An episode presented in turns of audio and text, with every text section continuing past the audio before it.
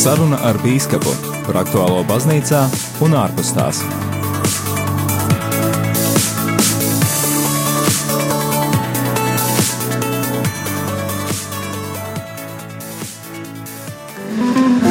Kristus ir augšām cēlies, darbie radioklausītāji, pie mikrofona es Māris Veliks un skan raidījums Saruna ar Bīskapu. Raidījums ēterā ir reizi mēnesī, mēneša trešajā pirmdienā, pulksten piecos ar atkārtojumu nākamās piekdienas pulksten desmitos vakarā. Un šoreiz raidījumā prieks sveicināt Rīgas palīgu bīskapu Andri Kravali. Kristus ir augšām cēlies. Patiesi augšām cēlies. Patiesi. Paldies, ka noteikti savā aizņemtajā grafikā esat radis iespēju būt ar radio klausītājiem. Bīskapa Andri, mums ir vairākas pamattēmas, svarīgi jautājumi, kurus pārunāt šajā laikā. Pirmkārt, mēs noteikti parunāsim par baznīcas lomu vides jautājumu risināšanā saistībā ar pieciem gadiem, kopš, kopš ir publicēta pāvesta Franciska encyklika Laudato Si, kas veltīta vides jautājumiem. Vēlos arī atgādināt klausītājiem, ka no 16. maija līdz 24. maijam pāvests Francisks aicina visus ticīgos atzīmēt Laudato Si nedēļu. Cik daudz baznīcai būtu jāiesaistās rūpēs par ekoloģiju, par šiem un citiem jautājumiem turpinājumā? Otrs sarunu temats noteikti aktualitāte šajās dienās, kā baznīcas un ticīgo dzīvi ietekmē ārkārtas stāvokļa ierobežojumu mīkstināšana, kas stājās spēkā no 12. maija. Proti, ir atļauta pulcēšanās līdz 25 cilvēkiem, un kā tas ietekmē mūs kā ticīgos un mūsu iespējas apmeklēt dievkalpojumus. No pulkstene 17,30 minūtēm studijas telefona līnija būs atvērta, un tev, dārgo klausītāji, būs iespēja uzdot jebkuru tev interesējošu jautājumu biskupam Andrim Kravalim, vai arī atsūtīt savu komentāru. Atgādināšu kontaktinformāciju. Tālruņa numurs studijā ir 67, 969, 131, bet tas no pulksten pussešiem. Savukārt jau šajā brīdī varat arī rakstīt savas īsiņas vai ēpastus. Īsiņas gaidām uz numuru 266 77, 272. Ja kas garāks jautājums, vai komentējams, vai rakstāms, tad izmantojiet arī e-pasta iespēju studija at rml.lv. Bet, eh, Bīskapa Andri, vispirms eh, vēlos arī vēl kādu papildu jautājumu aprit svētajam pāvestam Jānim Pāvilam II simts gadi, un varbūt tad ievadā, kādas būtu jūsu pārdomas un Kas ir tas, ko vēlētos padalīties ar klausītājiem šajā sakarā? Ļoti skaists notikums. Jā, šis pāvests ar savu kalpošanu ir iegājis baznīcas vēsturē, un viņš ir trešais pēc pontifikāta garuma.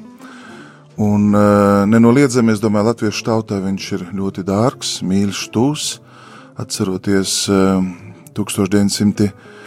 Eh, gada sveceļojumu Baltijas valstīs, kur praktiski vienu nedēļu pat mazliet vairāk viņš pavadīja šeit un bija Latvijā garīgā seminārā trīs dienas. Es vēl biju kā seminārists.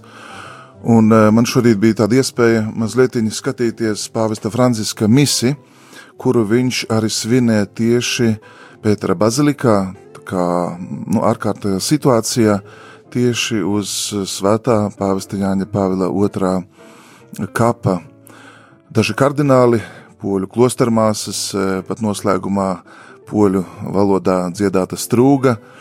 Un e, savā uzrunā viņš e, sacīja trīs svarīgas lietas, kas personīgi man bija ļoti, ļoti svarīgas, tuvas un nozīmīgas, jo pāvis ļoti īsi rezumējot Jāņa Pāvilo garīgo mantojumu, sacīja, ka pirmkārt viņš ir lūkšanas cilvēks un katra kristieša priestara biskupa uzdevums ir neaizmirst šo pamatstāju, lūgties.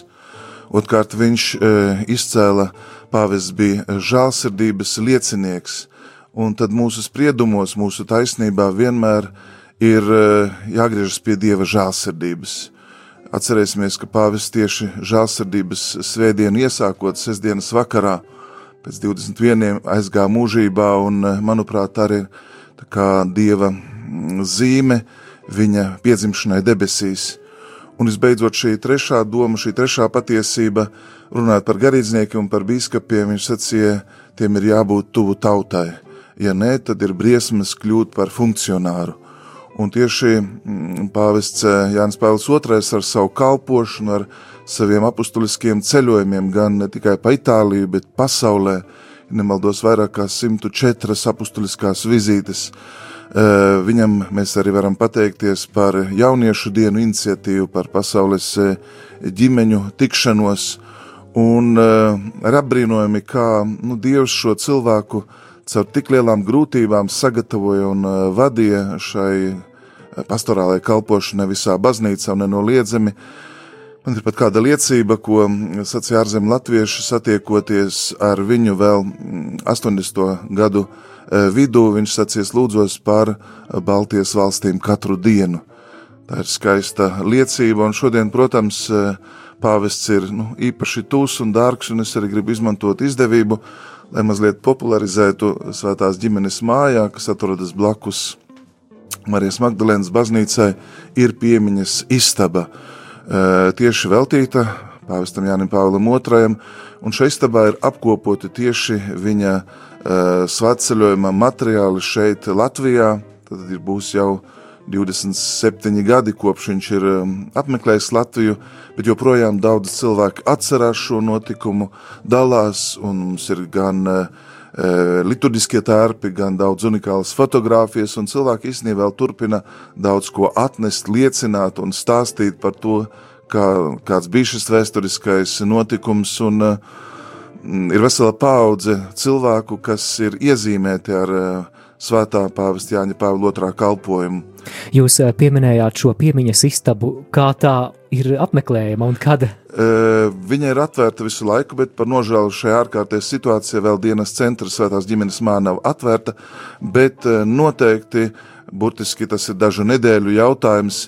Viņa būs pieejama pirmā stāvā un cilvēki nākot gan uz dienas centru, vēloties apskatīt klostera pagrabus, tiek iepazīstināti un ir iespēja, protams, arī ilgāk nu, apstāties, iepazīties ar dokumentiem, materiāliem, grāmatām, liecībām. Es arī paskatījos mazliet Polijā, ir izveidots vesels svētceļojuma maršruts pa tām vietām, kur pāvests tajā laikā vēl gan kā seminārs, priesteris, bīskaps, kardināls savā laikā kalpoja.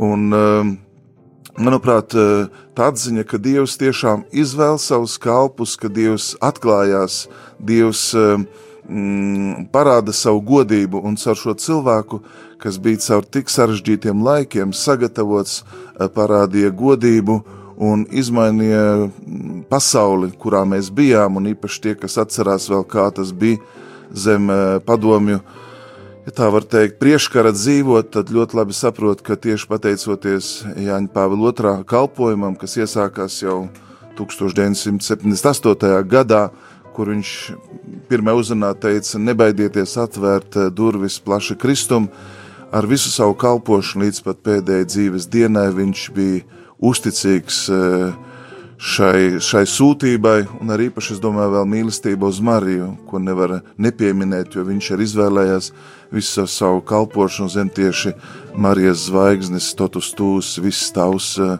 atziņa, kas ņemta no svētā Griņona no Monfortas.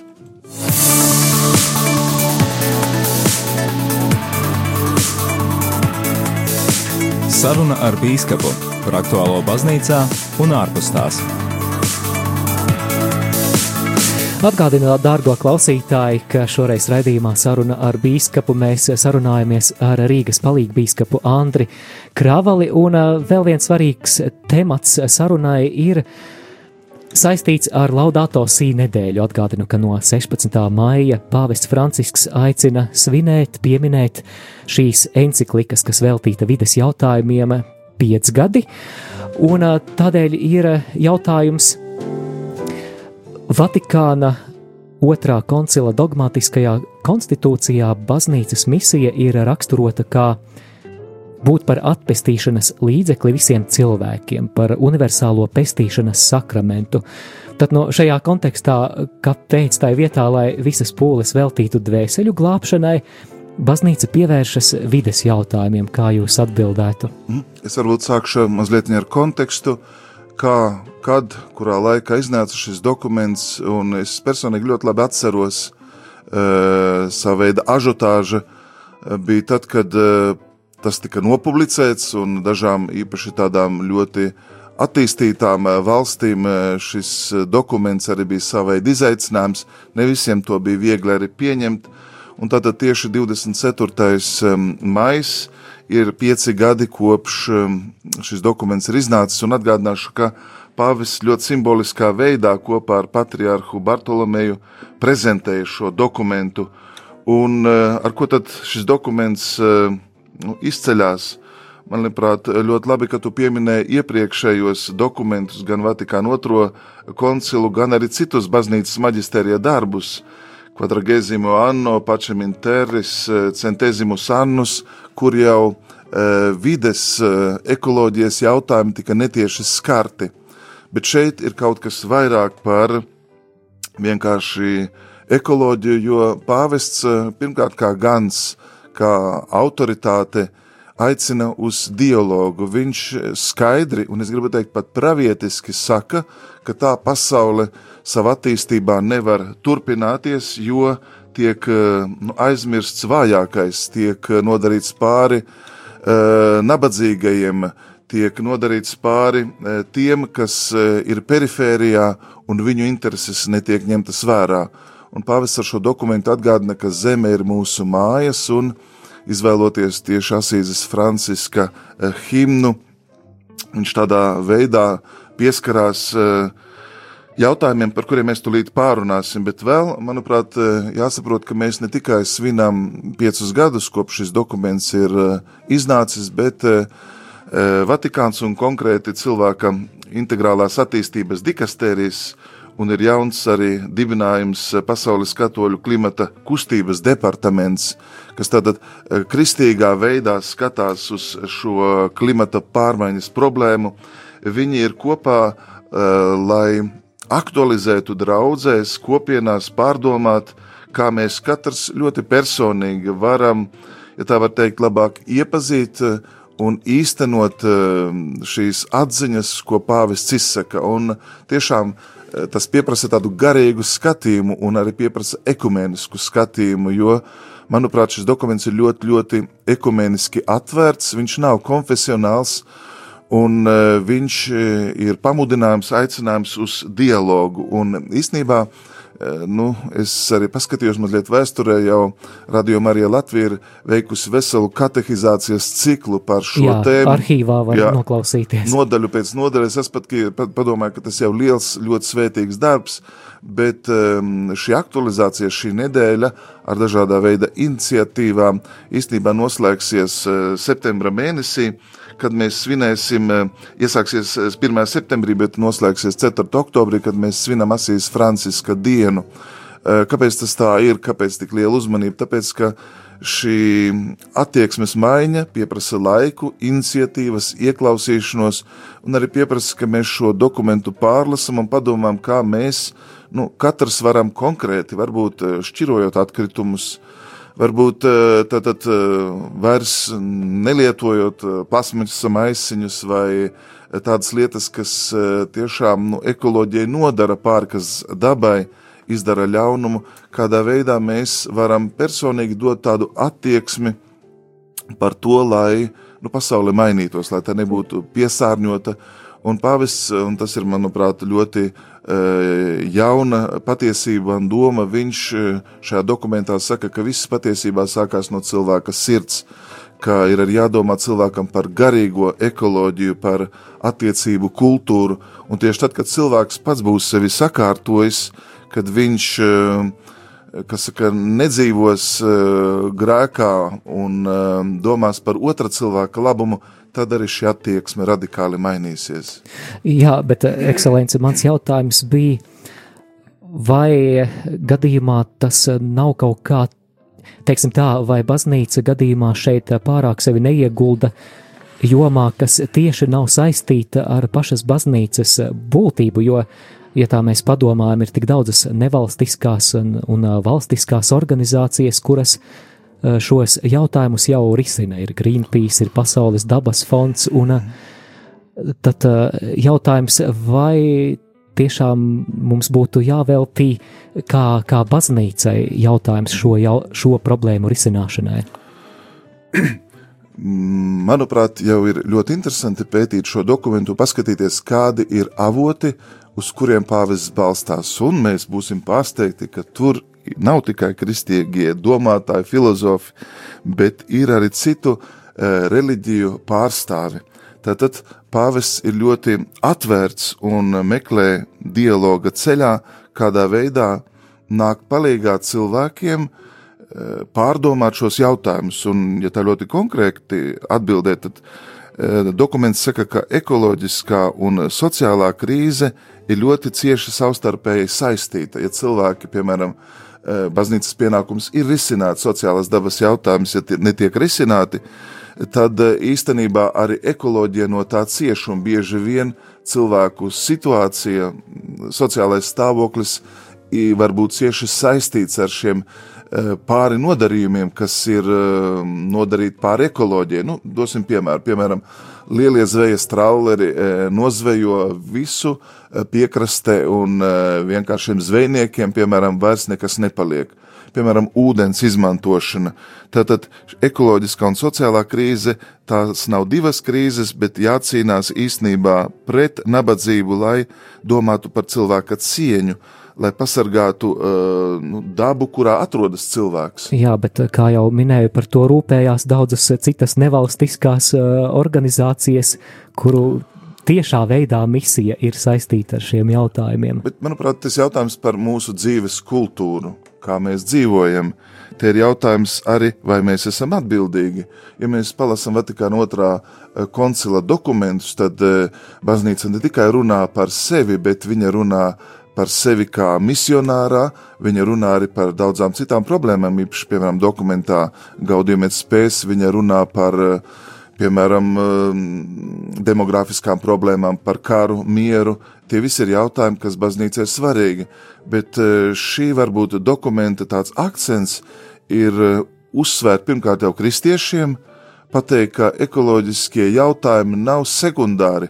Mēs varam ļoti smagi arī grēkot pret dabu, kaut gan mums šķiet, ka viss ir normāli, bet mēs varam nu, izturēties uh, ļoti nevērīgi Eh, rīkoties tā, it kā mēs būtu saimnieki, un tā, it kā pēc mums, eh, ja tā var teikt, nu, lai notiek kas notikdams. Jā. Un, un, un tāpēc, manuprāt, tas ir eh, morālās dabas jautājums, tas ir cilvēku savstarpēju attiecību jautājums, tas ir arī darba jautājums, kādā veidā mēs iegūstam resursus piemēram, eh, es zinu konkrētas iniciatīvas, kad balstoties uz šī dokumenta, piemēram, lielās naktas, naftas iegūšanas kompānijas e, bija spiestas un arī pieņēma tādu lēmumu tieši uz šī dokumenta, e, vairāk padalīties ar to iegūmu, to kapitālu, ko viņas saņem ar tiem reģioniem, kur šī naftas ieguve notiek. Tas, piemēram, viens ir ļoti, ļoti tāds, nu, labs piemērs. Jā, eh, Bīskapa Andri, protams, jūs minējāt, ka šim dokumentam arī radio Marija ēterā ir veltīts vesels katehēžu cikls. Mēs šajā raidījumā, protams, nepaspēsim aplūkot un izanalizēt šo dokumentu dziļumos, bet ja jums būtu klausītājiem varbūt, ja tā var teikt, jāuzdāvina šovakar kāda īpaša, jūsuprāt, tā svarīgākā atziņa no šī dokumenta, tad eh, kas tas būtu? Ja drīkst, tad es tā būtu lūkšana, ko Jā. tieši šis dikastērijs eh, aicina lūgt, un īstenībā šī lūkšanā eh, viņš jau rezumē to izaicinājumu un attieksmes maiņu. Un netieši šī nu, lūkšanā ir arī atbilde ietverta uh, uz arī tavu jautājumu. Tad kopīgi lūksim. Mīlošais Dievs, tu esi radījis debesis un zemi un visu, kas tur ir. Tu esi mūs radījis pēc sava attēla un līdzības, un esi darījis mūs par savas radības pārvaldniekiem Tu esi svētījis mūs ar sauli, ūdeni, bagātīgu zemi, lai viss tiktu pabarots. Un tāpēc atver mūsu prātu un pieskaries mūsu sirdīm, lai mēs varam rūpēties par tavas radības dāvanu. Palīdz mums apzināties, ka mūsu kopējās mājas pieder nevien mums pašiem, bet gan visai tavai radībai un visām nākotnes paudzēm, un ka mūsu atbildība ir to saglabāt palīdzi mums nodrošināt katram cilvēkam pārtiku un resursus, kas viņam ir nepieciešami. Esi tuvu tiem, kam visvairāk nepieciešama palīdzība šajos grūtajos laikos, jo īpaši nabadzīgākajiem un tiem, kurus ievērojam vismazāk. Pārveido mūsu bailes, tikt atstātiem par cerību un brālību, lai mēs piedzīvotu patiesu sirds atgriešanos. Palīdzi mums radoši paust solidaritāti, stājoties pretī globālās pandēmijas sekām, dari mūs drosmīgus pieņemt pārmaiņas, kuras ir nepieciešamas, meklējot kopējo labumu. Ļauj tagad apzināties vairāk nekā jebkad iepriekš, ka esam savā starpā saistīti un atkarīgi viens no otra, un dari mūs spējīgus sadzirdēt un atbildēt zemes un nabagu saucieniem. Lai pašreizējās ciešanas kļūst par pat dzemdību sāpēm, brālīgākai un ilgspējīgākai pasaulē. Marijas, Kristus un kristiešu palīdzības skatienu ieskauti, mēs to lūdzam caur mūsu kungu Jēzu Kristu, kas dzīvo un valda mūžu mūžos. Amen.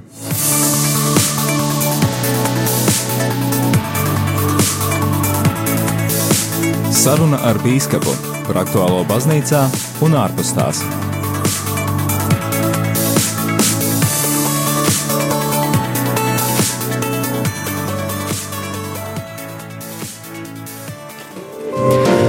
Skan raidījums saruna ar bīskapu. Eterā esmu es Māris Veliks, un šajā raidījumā šoreiz Rīgas palīga bīskaps Andris Kravalis.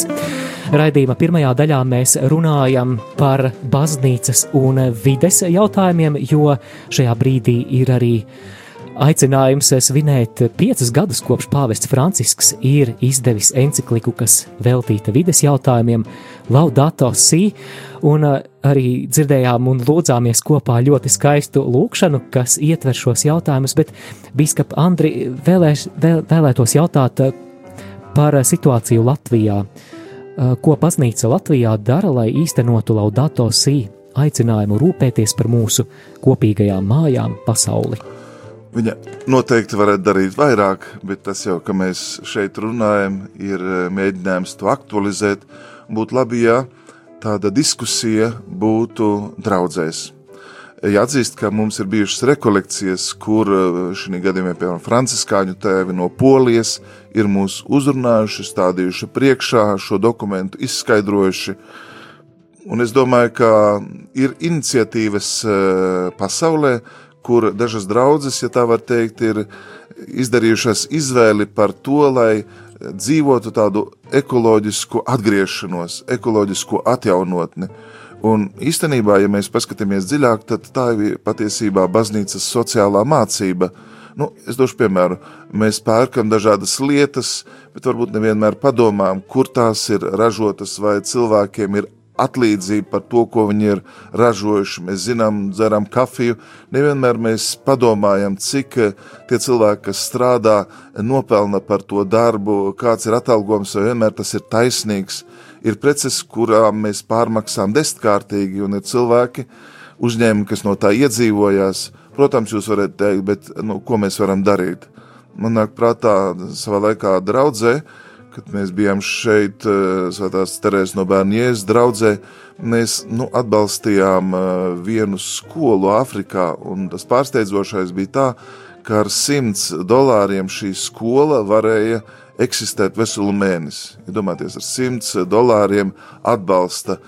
Un um, vienkārši, manuprāt, mums ir jādomā ne tikai par uh, saviem iegūmiem, par mūsu, varbūt personīgā līmeņa, vai labklājības līmeņa uzlabošanu, bet arī ir vērts padomāt eh, par tām realitātēm, kā dzīvo šodien cilvēki Ukrainā, Baltkrievijā, tālāk, kā atbalstīt tās misiju zemes, eh, kur kristieši ir minoritātē, kur viņiem nav varbūt tādu iespēju kā mums.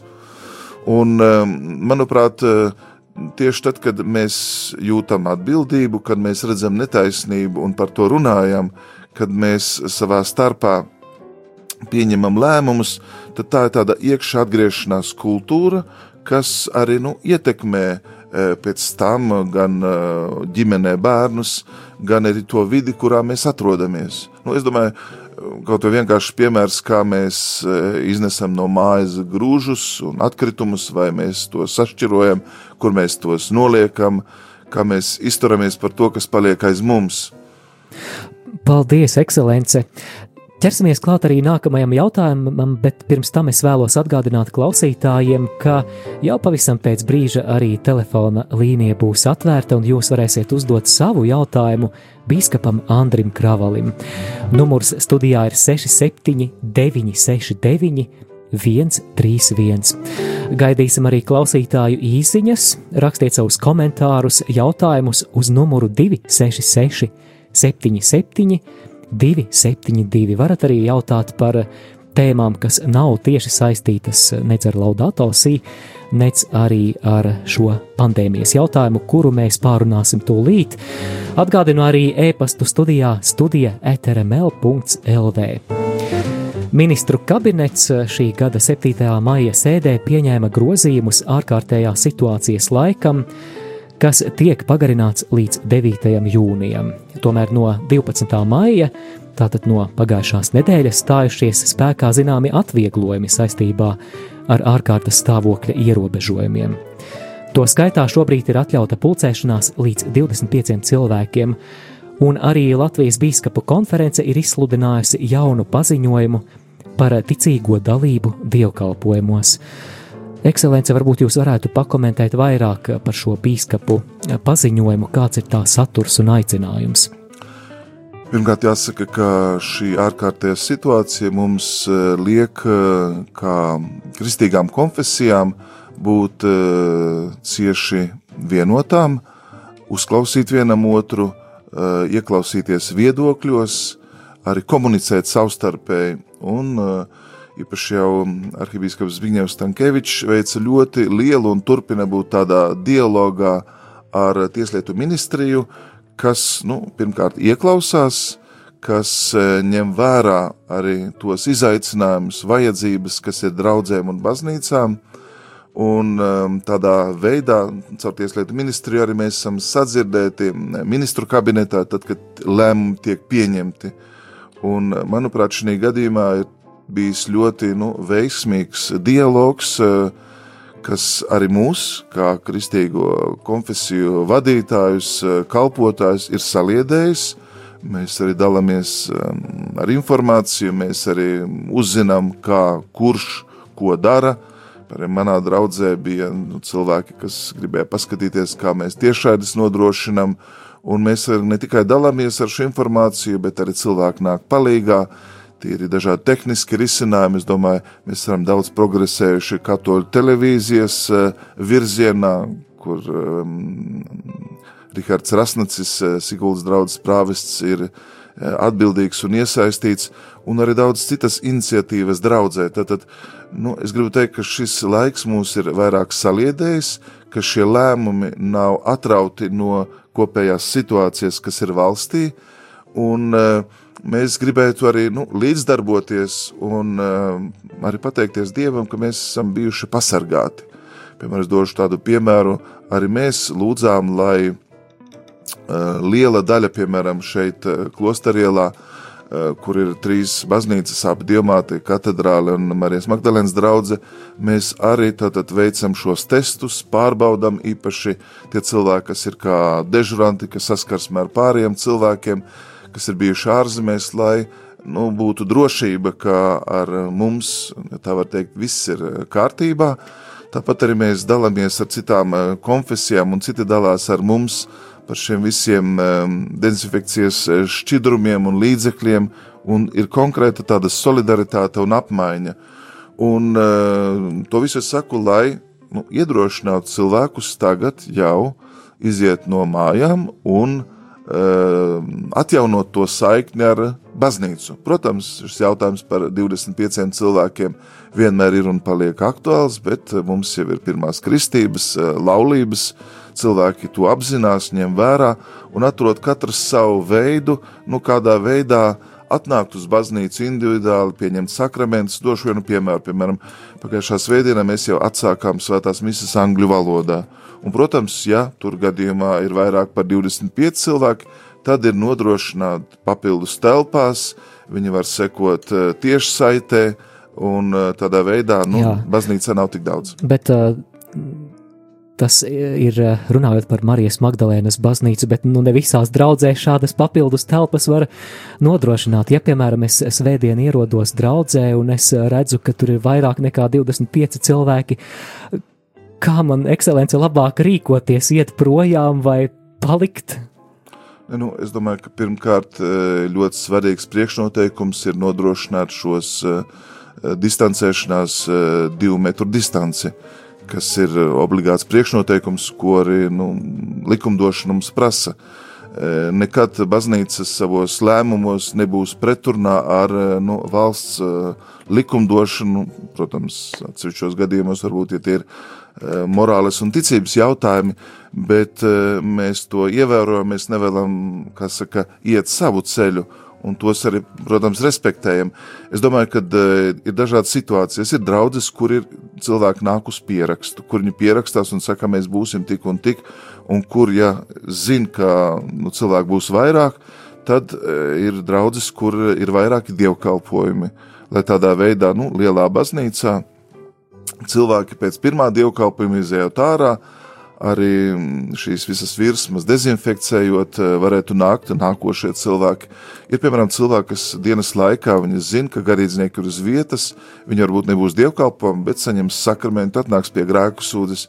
Viņi atradīs veidu, kā nu, atjaunot šo saikni ar eh, baznīcu, ar sakramentiem, kādā veidā saņemt stiprinājumu šajā laikā. Jā, bet eh, es tomēr nesapratu, ja, ja tomēr es uh, ierodos un ja ir vairāk par 25, nu, teiksim, ir 38 cilvēki, tad uh, ko man darīt? Nu, ja baznīca nevar nodrošināt uh, šos divus metrus, tad, uh, nu, manuprāt, būtu ļoti, ļoti svarīgi nu, rast kādu citu risinājumu. Mm -hmm. Bet nenonākt tādā situācijā, kad mēs esam nu, pretrunā ar likumdošanu. Un, ja dievnams nav pietiekoši liels un to nevar nodrošināt, tad ir jādomā, kādā veidā, vai pavairot dievkalpoju skaitu, vai dodot iespēju citā laikā. Um, piemēram, es zinu, Tonkalna draudzē šeit pat, piemēram, es zinu saņēmu, kad uh, cilvēki sākumā uh, tiešsaitē skatās, bet sakramentu pieņem vairāku stundu garumā. Viņi var atnākt, viņi var satikt garīdzniekus un ievērot to piesardzību. Es domāju, šeit draudzēm ir ļoti liela brīvība. Tas ir arī, cik draudzē ir garīdznieku, kā draudze var apkalpot cilvēkus, uh, Un uh, pāvests mudina mūs būt radoši šajā jautājumā, atrast uh, veidus, nu, kādā veidā mēs uh, nu, varam vairāk kā, nu, atjaunot šo saikni, bet arī tāpat nav jāaizmirst, ka pamudinājums īpaši veciem ļaudīm, kas ir riska grupā, viņi var mierīgi un pat ir lūgti palikt mājās, lūgties, kā to darījuši līdz šim, meklēt veidus, uh, kādā veidā būt garīgā komunijā, un eh, šis eh, pulcēšanās, eh, ja tā var teikt, aizliegums, kas liktu cilvēkiem lielā skaitā sapulcēties, vien joprojām ir spēkā, un baznīca šeit nemeklē kādas savas privilēģijas vai nevēlas, nu, Jā. tā var teikt, cilvēkus maldināt.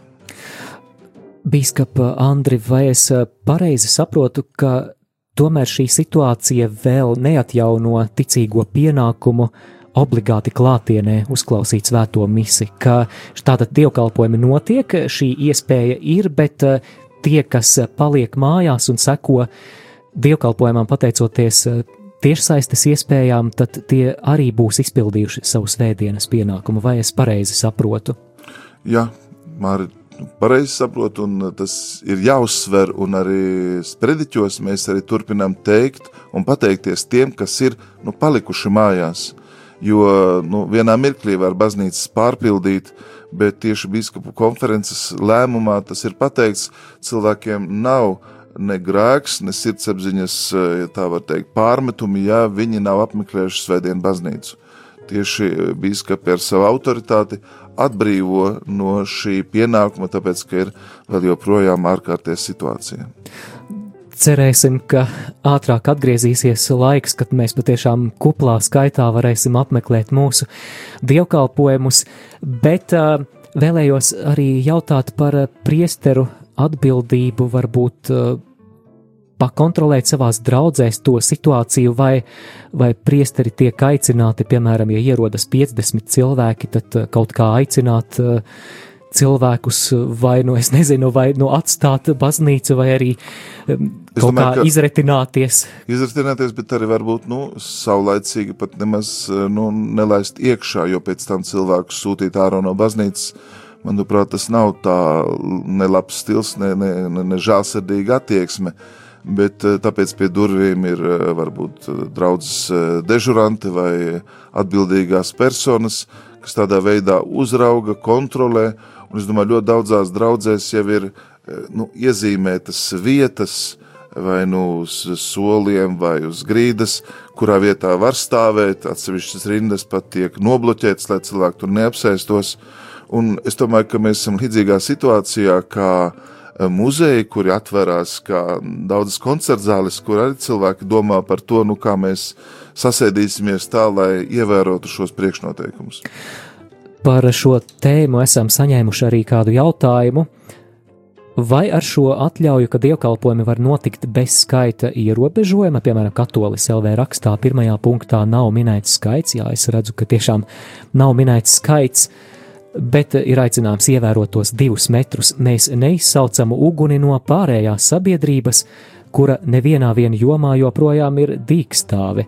Jūtos vainīga šo joprojām divstāvē esošo draugu priekšā, kad viņi uzdot jautājumu, kā tad tā, jums atļauj, bet man joprojām nav atļauts maizi pelnīt, piemēram, pasākumu industrijas pārstāvji. Es domāju, ka es mēģināšu diplomātiski atbildēt, jo, manuprāt, ļoti svarīgi ir nu, pareizi saprast tekstu, kā tur tas ir pateikts jo reizē tā ir arī nu, garīdznieka atbildība. Es, piemēram, pieļauju variantu, ja man būs pa daudz cilvēku, viņi iespējams pulcēsies aiz baznīcas mūriem, bet būs atvērti Jā. logi. Piemēram, es zinu, ka dažās draudzēs ir arī balkona iespējas. Tad, tad manuprāt, šeit visa konference to atbildību uh, atgādina draugu ganiem, priesteriem, kas ir atbildīgi par dievkalpojumu svinēšanu. Un eh, nu, tādā veidā viņi arī nodrošina tos apstākļus un jāņem vērā. Mēs šeit es nedomāju, ka eh, mēs kā baznīca e, gribētu kaut kādas savas privilēģijas vai pierādīt, bet vienkārši, nu, ja mēs aizējām arī uz veikalu iepirkties, arī tur ir savas normas, tur arī savas prasības. Bet ir, protams, dievnami ar, ar daudz lielāku kapacitāti, kur šīs briesmas nav, ja mēs ievērojam pareizi distancēšanos. Dargo klausītāji, skan raidījums saruna ar bīskapu un vēlos atgādināt, ka tev ir iespēja uzdot savu jautājumu bīskapam Andrim Kravalim. Numurs studijā ir 67969 131, šobrīd jau droši vari sazvanīt studiju. Ja vēlies uzrakstīt īziņu, tad raksti uz numuru 266 77 272, savukārt studijas e-pasts, ja kas garāks rakstāms ir studija etrml.lv.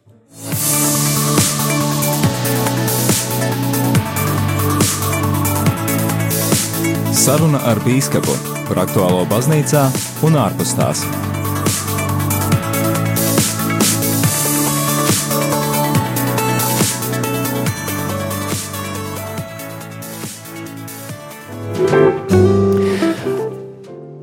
Jau ir vairāki klausītāju jautājumi īsiņas veidā, arī kāds ēpasts ir pienācis, tūlīt arī tos nolasīsim, bet uh, pēdējais jautājums par šo tēmu, kas ir saistīta ar Covid-19 pandēmijas izraisīta, izraisīto ārkārtas situāciju un ierobežojumiem. Jūs, ekscelence, jau minējāt, ja tā var teikt, šī laika panākumus, un, manuprāt, šī ātrā draudzene spēja norēģēt un arī ieviest video tiešraides un citas tiešsaistes iespējas, lai ticīgie varētu sekot līdzi dievkalpojumiem. Savukārt, Kā jūs redzat lielākos izaicinājumus šajā laikā draudzēs? Kas ir tās lielākās grūtības? Nu, es gribētu atsaukties, lai cik mēs būtu tehniski nodrošināti un uh, ko mēs arī panāktu. Tad tomēr pāvests uh, Francisks mums atgādināja, ka tur, kur divi vai trīs ir pulcējušies kopā, tieši draudzēm šis pulcēšanās aspekts ir ļoti svarīgs. Apustuļu darbi ļoti skaidri saka, viņi vienprātībā godināja Dieva, Dievu ikdienas lauza maizi, pastāvēja sadraudzībā un bija ļaužu atzīti. Tad, tad nu, nav iespējams individuāli savās mājās praktizēt pilnvērtīgu ticību, tāpēc ka šis ir nu, tāds ārkārtējs laiks, un mēs ļoti lūdzam Dievu un ceram, Un arī pateicamies Dievam, ka esam bijuši pasargāti visā šī laikā, ka baznīcas nav bijušas eh, pandēmijas uzliesmojuma vietas, bet kā ar tādu gan piesardzību, gudrību, gan arī atbildību mēs esam, manuprāt, pārvarējuši šo krīzi un ir vērts no jauna varbūt atgriezties.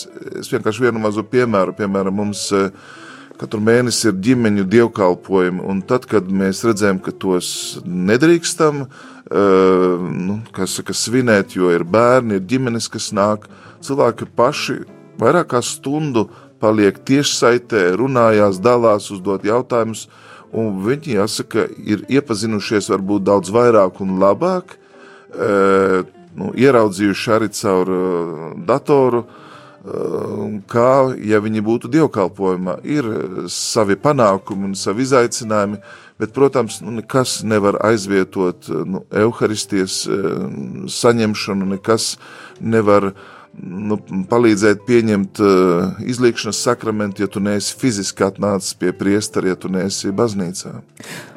Paldies! Mums ir arī zvans studijā, lūdzu. Uh, Kristus ir augšām cēlies. Patiesi augšām cēlies. Mani sauc Vitālijas, es esmu no Rīgas trīsienības draudzes, mans jautājums ir sekojošs. Sakarā ar visu to pandēmiju, vai būtu pareizi te novilkt paralēlis, atrast analoģiju ar uh, gadījumu aprakstītu vecā derībā, kad uh, ķēniņš Davids izvēlējies no piedāvātiem sodē, sodiem arī epidēmiju. Un uh, um, otrais. Uh, nu, tagad ļoti daudz cilvēki ir sākuši sekot statistikai koronavīrusa un arī es tā skaita, jā, un es, piemēram, atradu interesantu vienu resursu internetā, kur reāli laika var redzēt, nu, novērot kaut kādus tur svarīgus datus pasaules mērogā, jā, un man bija šoks, ka katru dienu vairāki desmiti tūkstoši cilvēku pasaulē mirst no bada. Tā kā tikai, kad sācis tas koronavīrus, nu, tas mani pamudināja atvērt to statistiku un nu, ieraudzīt to, jā. Un te tieši vat, pirms zvanīt, es skatījos to pašu resursu un uz doto brīdi, tā kā šodien no šīs dienas sākuma līdz šim brīdim pasaulē nomira 22 tūkstoši cilvēku no bada un vajag tā izraisīt tam sēkam. Un tas pārsvarā, protams, ir notiek neattīstītas valstis. Un jautājums ir sekojuši, vai tas mēs kā attīstītas valstis nesam kļuvuši, nu, kā tas uh, baktais cilvēks, kurš nepamanā un negrib redzēt lāceru, kas, nu, ir bada. Jā, paldies, paldies. paldies par jautājumu. Manuprāt, ļoti labi jautājumi. Es sākšu ar otro mm, arī es domāju, nu, solidaritātes jautājums, kad e, šī nelaime piemeklē atsevišķas valstis, kā mēs uzvedamies attiecību pret pāriem, vai mēs domājam par citu labumu, vai gatavi esam dalīties, arī tas parādīja nu, mūsu situāciju, mūsu solidaritāti arī Eiropas Savienības ietvaros, es domāju, ka tur ir daudz e, nu, izaicinājumu, kuriem mēs nebijām gatavi, uh, bet varbūt tādi izaicinājumi arī mūs dara gudrākus, un uh, varbūt mēs esam mazliet nu, atvēsināti no, no tās nemitīgās uh, skriešanas, naudas pelnīšanas un uh, nu, tāda gan, gan karjerisma. Un uh, bieži vien tieši tādā situācijā tad jau mēs paskrienam garām nabagam, mēs neredzam, Un, protams, es zinu šo statistiku, ka jums ir taisnība, ka ir arī daudz lielāki izaicinājumi, slimības, eh, kas procentāli vēl lielākā šī patreizējā pandēmija. Bet uh, varbūt viena tā atbilde būtu tāda, ka nu, izrēķinot šīs um, pandēmijas izplatīšanos, ja netiktu ņemti uh, šie piesardzības mēri, tad uh, tā būtu pilnīgi cita apjoma, un mums, ja tā var teikt, pateicība Dievam, nu, ir izdevies to lokalizēt, ierobežot ļoti ātrā laikā, atklāt tās saknes, saprast, kā viņi izplatās. Atcerēsimies, ka piemēram viduslaikos mēra laikā nu, viena trešdaļa Eiropas aizgāja bojā, tad cilvēki vienkārši mira uh, nu, piedodiet, izteicienu kā mušas, jo viņi pat nezināja, no kā un kādā veidā sevi var pasargāt. Attīstījās ļoti liela manticība, meklēja vienmēr vainīgos, un cilvēki dzīvo tādās lielās bailēs bet šeit nu, medicīna, zinātne ir devusi savu ieguldījumu, jo nu, ļoti ātri, ja tā var teikt, meklēt līdzekļi, ar ko mēs gan varam aizsargāties. Jā, mums ir ļoti ierobežots laiks, Jā. bet vēl daudz jautājumu. Labi. Tad uh, varbūt uh, par to pirmo jautājumu, Pirmais vai tas ir Dieva sots? Jautājums, nē, mums nevajadzētu domāt tā par Dievu, mēs nekad to nedrīkstam tā domāt. Uh, tas, ka uh, Eh, tiek pieļauts ļaunums, un ļaunums ir saistīts ar grēku, jā, tad, tad šajā situācijā Dāvids ir grēkojis, un Dievs viņam piedāvā šīs trīs iespējas, viņš izvēlās vienu no tām. Eh, mēs varam vilkt paralēlis un pat padomāt, kādā veidā vecā derībā, piemēram, jūdu likumi cīnījās pret dažādām eh, slimībām, lipīgām, bet, manuprāt, mums ir jāredz Dieva svētums Dievs nav ne atriebīgs, ne ļauns. Viņš vēlas cilvēka lielāku labumu. Viņš pats ir dvēseli un miesas ārsts. Jā, paldies. Mums ir zvans studijā. Lūdzu, jūs jautājumu, bet ļoti kodolīgi, jo maz laika. Kristus augšām cēlies. Patiesi augšām cēlies. Lūdzu, nerīkojiet lielas kristības un kāzas. Nu jā, tā, to, tas jau arī noteikts ir bīskapu šajā paziņojumā. Ne vairāk kā 25 cilvēki. Paldies par jautājumu. Maruta Marta raksta, vai ir iespējams pandēmijas laikā svētajā misē medicīnisku apsvērumu dēļ saņemt komuniju plaukstā? Jā, vairākās eh, diecēzēs biskupi to ir pieļauši, un, ja cilvēks nāk un viņš, eh, piemēram, nu, esot eh, kādā rietumu baznīcā, to tā ir praktizējis, mēs arī nekad to neatsakām, piemēram, angļu misē, kas ir svētdienās, mums praktiski simtprocentīgi visi saņem dievgaldu uz plaukstas. Tad, tad tas būtu jāsagatavo draudzēs, bet, nu, manuprāt, neviens netiktu apdalīts, ja viņš tādā veidā ar izpratni un šo praksi pārzinot, vērstos, lai saņemtu sakramentu. Mums ir vēl viens zvans studijā, lūdzu. Kuriem ir? Jā, paldies. Jautājums bija skaidrs. Jautājums eh, no klausītājiem īsiņas veidā karantīnas dēļ tagad ir sarežģīti attaicināt priesteri uz mājām un dabūt pēdējos sakramentus. Kā cilvēkam sevi sagatavot nāves stundai? Domāju, ka priesteri nav tik eh, noslogoti. Noteikti griežieties pie eh, prāvestiem, griežieties pie priesteriem. Mēs nevienam vēl neesam atteikuši. Protams, ka, nu, ja karantīnā atrodas cilvēks, tad ir jābrīdina priesteris, lai viņš nu, attiecīgi būtu ekipēts, lai spētu pasargāt sevi un lai viņš nenokļūtu nu, tajā zonā, kad viņam ir jāiet karantīnā. Tas, protams, ir ļoti nu, svarīgi. Bet uh, konkrēti ir ļoti daudz, ko mēs varam izdarīt. Mēs varam paši sirdī nožēlot grēkus, mēs varam veikt labu grēku sūdzi, mēs varam pieņemt garīgo komuniju, mēs varam arī lūgties. Šajā nodomā ir daudz uh, ļoti svētīgu lūkšanu, psalmu, kurus mēs varam recitēt, un tādā veidā iet tādā nu, patiesā grēku nožēlas un atgriešanās procesā.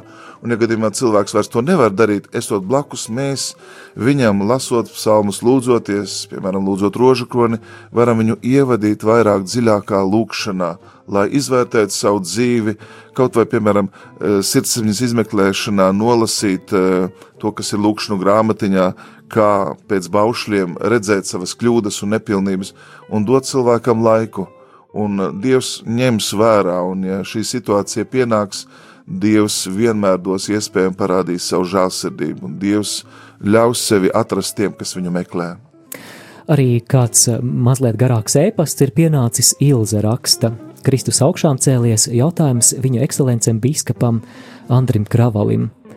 Svētā mise Romas rita ekstraordinārajā formā pēc pāvesta Jāņa 23. 62. gada misāle romānuma Šobrīd reizi mēnesī notiek ogrē, tomēr novērojumi rāda, ka vairums dalībnieku tur ir no Rīgas, kā arī no citām apdzīvotām vietām.